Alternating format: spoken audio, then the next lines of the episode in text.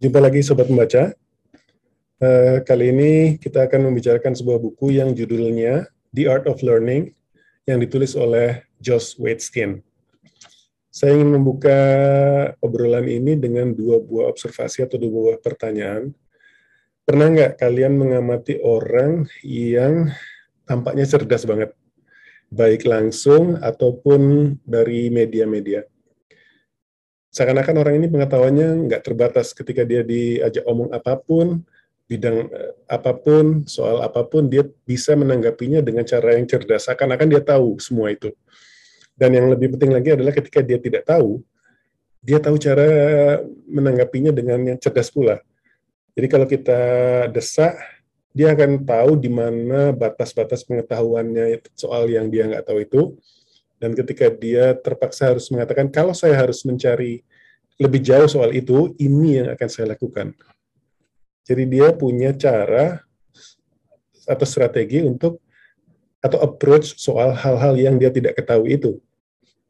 Lalu uh, dua hal hal yang kedua adalah apakah keahlian dalam satu bidang bisa ditransfer ke bidang yang lain? Kalau bisa, apa yang ditransfer itu? Jadi ini dua buah pertanyaan yang mendorong saya atau yang sebenarnya saya udah baca sih yang membuat relev membuat menurut saya relevan dengan buku ini. Siapa penulisnya? Josh Waitzkin adalah seorang atau Joshua Waitzkin adalah seorang pemain catur Amerika. Dia mengenal catur sejak kecil ketika dia diajak ibunya jalan-jalan ke sebuah uh, taman di New York tempat orang biasa main catur Eh, bertaruh dan sebagainya, dia merasakan catur itu indah sekali. Dan ketika dia diajari itu gampang sekali dia tangkap. Dan dia menikmati karena kemudahan atau bakatnya dia itu untuk terus berkembang sampai ke tingkat yang tinggi. Bapaknya yang mengajari dia, menemani dia selama perkembangan ini menulis sebuah buku yang judulnya Searching for Bobby Fischer yang mendokumentasikan pengalamannya itu Lalu buku ini menjadi dijadikan film dengan judul yang sama. Jadi itu uh, adegan di dalam film yang anak kecil main sama pemain catur di taman itu. Nah, kalau nggak salah sekitar awal 20-an tiba-tiba si Josh Weskin ini setelah kesuksesannya di dalam catur, tiba-tiba banting setir, dia belajar lagi hal yang baru yang disebut Tai Chi. Dia dia tiba-tiba merasakan Tai Chi itu indah juga tapi dia nggak punya bakat sama sekali di situ. Dan di perguruan yang dia ikuti itu, uh, melihat usahanya, gurunya langsung ngajak dia mendalami Tai Chi yang berbeda dari yang dia awalnya tahu, yaitu Tai Chi standar yang untuk kesehatan itu. Dia diajak untuk berlatih sesuatu yang disebut Tai Chi Push Hand, sebuah disiplin dari Tai Chi yang dipakai untuk kompetisi bela diri yang bisa dibuat tarung. Dan dia sempat ikut kompetisi ini mencapai uh, prestasi yang tinggi pula. Uh, saya tahu si Josh Waitzkin ini dari uh, podcastnya Tim Ferris Show. Kalau nggak salah itu adalah podcast episode pertama dari uh, dari podcast tersebut. Si mereka berdua ini sudah berteman lama yang saya suka dari uh, podcastnya Tim Ferris itu adalah Tim Ferris ini adalah orang yang sangat detail dan gigih untuk mengulik apa rahasia uh, seorang yang punya prestasi tinggi. Terus uh, saya sangat menyarankan untuk melihat itu ya. Jadi kalau kita recap siapa si Tim eh, siapa si Joshua Skin ini, dia adalah seorang pembelajar beberapa kalian yang berbeda, yang totally totally different, catur dan tai chi pushan. Yang kita kalau orang awam masa nggak ada hubungannya sama sekali. Terus yang kedua, dia mempelajari keahlian ini sampai tingkat yang tinggi, tingkat juara dunia dan uh, ketinggian keahliannya atau pengetahuannya itu teruji lewat kompetisi si Joseph Skin ini membuka uraiannya dengan dua buah pendekatan. Bahwa dalam belajar itu ada dua pendekatan. Yang pertama dia sebut entity approach, pendekatan yang bersifatnya hitam putih yang kalau tidak berhasil ya artinya gagal. Jadi kalau satu kali gagal ya udah semua yang sudah dia lewati selama ini batal gitu aja. Terus pendekatan yang kedua adalah pendekatan incremental, yaitu keberhasilan adalah sebuah fungsi usaha. Tinggi rendahnya hasil pada suatu waktu ditentukan oleh tinggi rendahnya usaha kegagalan bukanlah akhir dari segalanya. Kalau kita lihat itu begitu saja, kayaknya pendekatan yang kedua ini lebih manusiawi, lebih tidak banyak tekanan seperti yang yang pertama. Tapi si Joshua ini menekankan bahwa dalam berkompetisi, dalam melakukan sebuah bela, uh, perlatihan atau belajar skill yang untuk dibawa ke kompetisi, kedua pendekatan ini harus digunakan pada tempatnya. Misalnya pendekatan entity untuk setiap kompetisi. Satu kompetisi itu juaranya pasti cuma juara di itu. Kemenangan itu adalah sebuah sesuatu yang, sesuatu yang hitam putih. Nggak bisa kamu, oh saya nggak menang sih, saya juga nggak kalah. Nggak mungkin. Kalau kamu nggak menang, kamu kalah. Tapi kalau kita melihat uh, uh, misalnya sebagai pecatur, karir pecatur dalam jangka panjang yang melalui beberapa kompetisi, nah kita bisa menggunakan pendekatan incremental yang kedua apa yang terjadi di kompetisi yang satu akan menjadi pelajaran untuk mengikuti kompetisi yang berikutnya. Jadi kedua pendekatan itu tidak ada tidak harus di tidak harus dijadikan sebuah dikotomi. Dia adalah sebuah ya, sesuatu yang komplementari. Kembali lagi ke catur dan tai chi pushan di dalam hidup si Josh ini kita bandingkan. Catur itu adalah sesuatu yang alami se, uh, sejak kecil buat dia jadi dia nggak ada pilihan sadar bahwa oke okay, saya sekarang mau belajar catur. Enggak, dia ngikutin dia sebagai apa yang terjadi secara natural aja. Tiba-tiba catur itu gampang buat dia. Lalu karena dia masih kecil juga, uh, dukungan orang tua itu yang mem, yang menentukan keberhasilan dia selanjutnya. Berapa banyak orang tua ini mau orang tuanya itu mau menyisihkan waktu, uang dan tenaga untuk anaknya tersebut, untuk membina bakat anaknya itu. Lalu dia juga bertemu guru-guru yang bagus karena semakin tinggi bakatmu maka guru-guru yang mampu atau mau uh, mengajarimu adalah guru-guru yang lebih hebat juga gitu loh.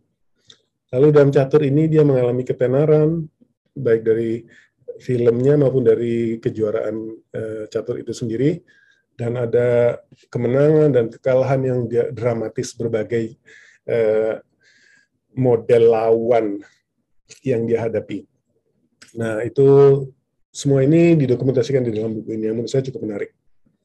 Lalu Tai Chi Push Hand uh, adalah sebuah pilihan buat dia dan dia tidak memilih dia dia di dalam bukunya ditulis bahwa dia tiba-tiba tertarik melihat itu karena pada suatu kali setelah pulang dari Eropa dia melihat seorang guru lagi mempraktekkan Tai Chi, Tai Chi yang kita kenal itu, Tai Chi untuk kesehatan lalu dia mulai berlatih di situ. Jadi Tai Chi, eh, awalnya menjadi awalnya menjadi eh, seorang praktisi Tai Chi adalah pilihan yang merupakan hasil dari perubahan fase di dalam hidupnya dan ketika dia memilih itu dia mengalami pem, menjadi pemula lagi beginner's mind again. Se, eh, ini adalah sebuah hasil renungan dia ketika dia melakukan perjalanan ke Eropa sesudah eh, sesudah ketenarannya itu dia ingin mengasihkan diri dari sorotan publik. Dia jalan-jalan ke Eropa, sepanjang jalan itu dia juga membaca buku, dan buku-bukunya itu lebih banyak membahas soal filsafat ketimuran. Uh, contohnya Jack Kerouac on the Road atau The Dharma Bums atau bahkan buku Tao Te Ching langsung. Nah itu yang membuat kayaknya uh, pikirannya dia tuh siap ketika dia balik dari Eropa tadi Eh, segala ajaran-ajaran ketimuran yang dia membuat dia tertarik itu membuat ketika dia melihat orang main tai chi dia langsung memutuskan oh saya mau melakukan itu. Ini juga dibahas di episodenya di uh, tim Ferris itu. Bisa dicek sendiri ya. Nah uh, ada banyak gagasan yang ditampilkan soal belajar di buku ini karena si Josh ini bilang setelah melalui dua tahap uh, prestasi tadi dia bilang saya ternyata punya banyak ide untuk belajar yang bisa saya share dalam buku ini. Yang pertama soal beginner's mind tadi. Uh, beginner's mind ini menimbulkan ketidaknyamanan ketika kita nggak tahu apa-apa sama sekali. Itu yang kita alami sebagai pemula. Kalau kita sudah punya keahlian atau ketenaran di bidang yang lain, mungkin ini bisa menjadi jauh lebih berat gitu loh dibandingin kalau kita nggak punya. Nah, ketidaknyamanan itu yang eh, bagi sebagian orang mungkin seperti saya, saya senang sekali menjadi beginners karena pada saat itu kesalahan apa pun itu dimaklumi, gitu. Nah, sementara orang lain mungkin yang ego-egonya sudah terdefinisi oleh keahlian dan ke kemenangan sebelumnya terganggu dengan menjadi beginner itu karena dia akan dilihat oh kamu kalau misalnya karate sabuk putih gitu. Nah, ini menarik ya untuk direnungkan. Terus uh, gagasan yang lain adalah soal investment in loss yang dia tulis di situ. Saya menyebutnya belajarlah dari kekalahan ketika dia mulai belajar tai chi dia bukan orang yang kuat seperti ketika dia mulai belajar catur. Mulai belajar catur itu dia kalah satu kali aja habis itu dia menang terus. Kalau dalam tai chi ini dia kalah berkali-kali. Uh, dia mencatat bahwa dalam tai chi push hand motonya adalah mengalahkan 1000 kilo dengan 4 ons, mengalahkan uh, lawan sebesar-besarnya dengan usaha sekecil-kecilnya. Dan yang dia bilang setelah berefleksi, dia merasa beruntung karena teman berlatihnya pada saat itu ada orang yang kemampuannya di atas dia jadi dia kalah terus, tapi dia nggak berhenti, dia gigih, dia dan kekalahannya itu membuat dia tahu di mana kelemahan-kelemahannya dan bagaimana berlatih mengatasi kelemahan itu. Lalu yang ide berikutnya adalah dia sebut sebagai making smaller circles, membuat lingkaran-lingkaran kecil. Dalam uh, dalami misteri yang mikro untuk memahami hal yang makro ada adegan dari buku Zen and the Art of Motorcycle Maintenance oleh Robert Pierce. Di dalam buku itu ada seorang murid yang kena writer's block, hambatan menulis. Dia nggak bisa nulis karena uh, satu dan lain hal. Tugas menulisnya adalah 500 kata soal kota tempat tinggalnya. Si murid ini mengeluh, kota saya ini kata saya ini membosankan, nggak ada yang bisa saya ceritain, apalagi harus menulis sebanyak 500 kata. Gurunya bilang, mulailah menulis soal bagian depan gedung opera yang terlihat dari ruang kelas ini, mulailah dari batu bata di sebelah kiri atas. Itu kecil banget lingkarannya. Mulailah dengan, kamu pasti bisa mendeskripsikan batu bata itu. Nah, dengan harapan ketika proses menulisnya sudah dimulai, maka sudah bolanya udah bergulir, dia bisa membesar lingkaran itu.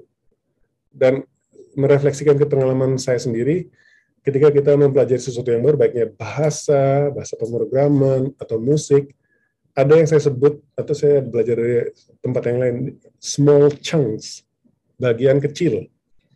Nah, apa bagian kecil dari catur? Apa bagian kecil dari musik? Apa bagian kecil dari memasak? Apa bagian kecil dari tai chi?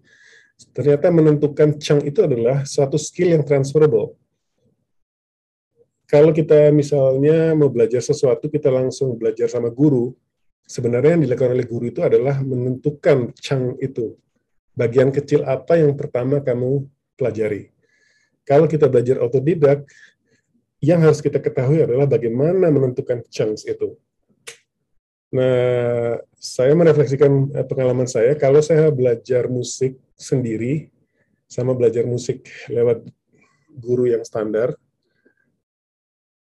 ketika kita menentukan chungnya itu, kita bisa menentukan chunk yang menarik buat kita. Contohnya kalau kita belajar standar musik, dia akan memainkan sebuah lagu yang sebenarnya kita nggak suka lagu itu. Tapi kita terpaksa belajar itu karena si guru bilang e, harus begitu. Sementara kalau kita belajar sendiri, saya senang dengerin Metallica, maka saya akan mencari lagunya Metallica, tetapi saya nggak bisa langsung belajar satu lagu yang kelihatannya kompleks itu. Saya harus mencari bagian terkecilnya yang bisa saya latih berulang-ulang.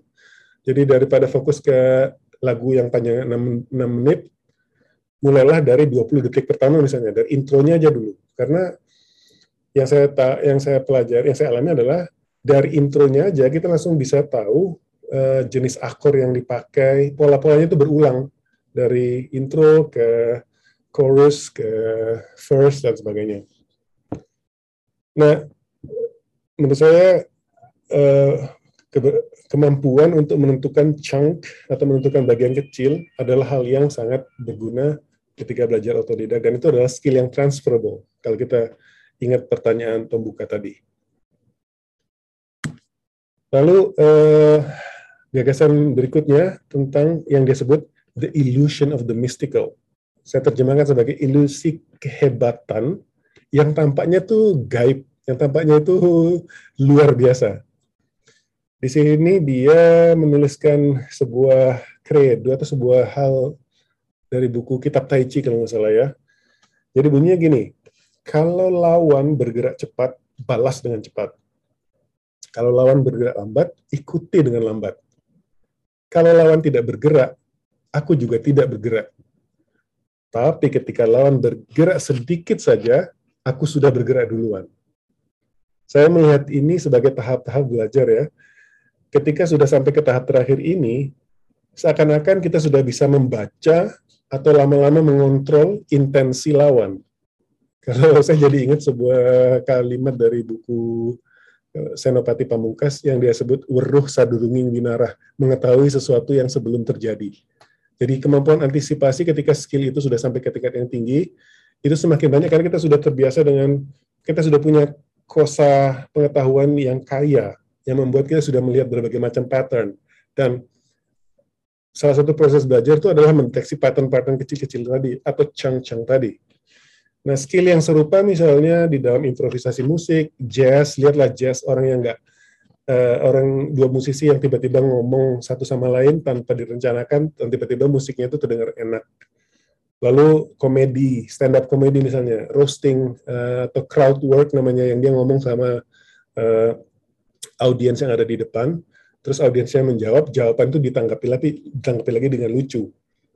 Jadi nggak bisa kalau dia nggak punya keahlian komedi ini, dia tiba-tiba ngomongnya jadi boring aja gitu kan. Jadi itu ilusi di mystical dan ilusi mystical ini jadi orang, orang yang nonton itu kelihatannya ini normal banget, kayaknya itu semua orang bisa melakukannya. Justru di situlah uh, kalau kamu sudah ada di panggung nggak gampang ngomong kayak gitu. Jadi ilusi kehebatan yang tampaknya gaib. Lalu ada hal yang disebut dengan the power of presence. Uh, ini hadirlah atau fokuslah sepenuhnya kepada apa yang kamu lakukan. Ada adegan yang kuat di dalam bab ini, yaitu menceritakan seorang pemburu yang berpengalaman ketika pemburu itu terlepas dari rombongannya sendirian di dalam hutan Amazon dan tiba-tiba dia berhadapan dengan seekor jaguar. Jaguar ini siap memangsa dia. Jadi detik-detik bagian apa yang harus dia lakukan untuk menyelamatkan diri dengan apa yang ada pada dirinya saat itu. Terus bagaimana caranya dia membaca perilaku si jaguar ini.